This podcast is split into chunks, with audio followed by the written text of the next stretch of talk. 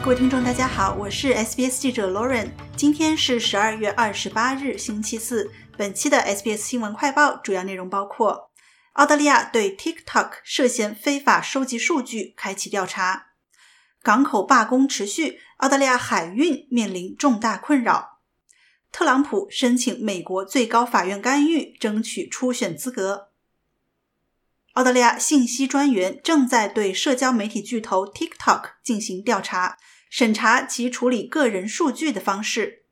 在此之前，有指控称 TikTok 在未经同意的情况下，从甚至没有安装该应用的人那里收集数据。这些指控称，TikTok 使用被称为像素 Pixel 的追踪工具来收集包括网页浏览历史和个人信息在内的数据，并拼凑出身份信息，包括电子邮件、电话号码和购物习惯，即使他们的移动设备上并没有安装 TikTok，也没有申请 TikTok 账户。蒙纳士大学网络安全教授菲尔对七号台表示：“所有社交媒体网站都在使用这种类型的技术，但他认为这值得更深入的研究。” Well, I hope they have a, a big and far-ranging investigation. I think it's really important that the privacy. 我希望他们进行一次广泛、深入的调查。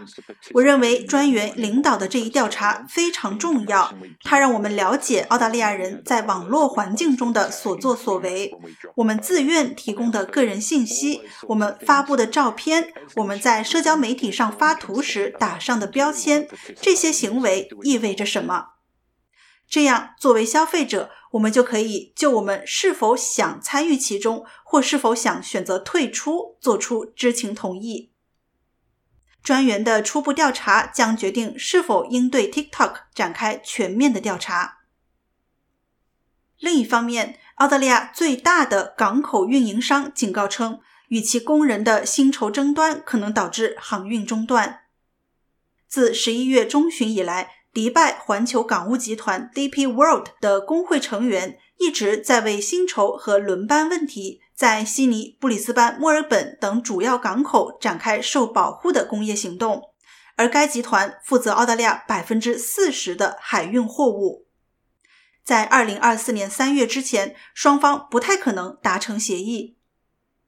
EES 物流公司的总经理哈克表示，最终受到不便的是消费者。他们将需要支付额外的费用。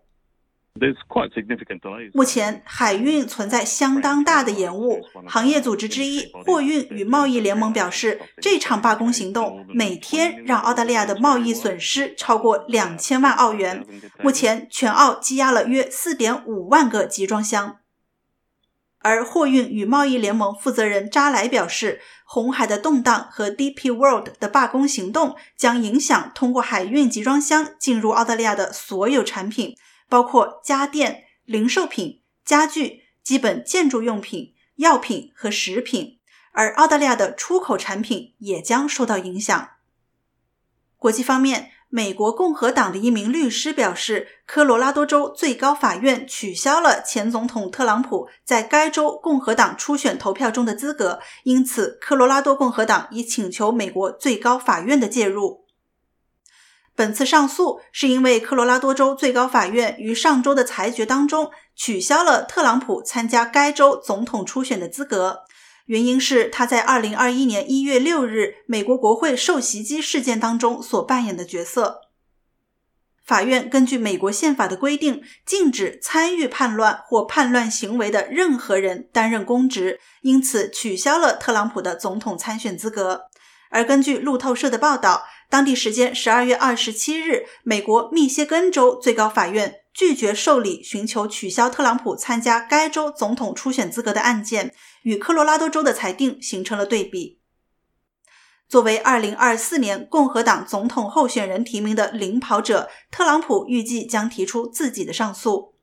而美国最高法院的裁决可能会解决特朗普在2024年总统竞选当中全国范围内的参选资格问题。据悉，美国最高法院推迟了其决定至一月四日，表示如果特朗普提出上诉，他将继续保有其总统候选资格。感谢收听本期的 SBS 新闻快报，在任何的播客平台订阅 SBS 新闻快报，并开启消息提醒，即可随时了解澳洲国内外新闻及社区资讯啦。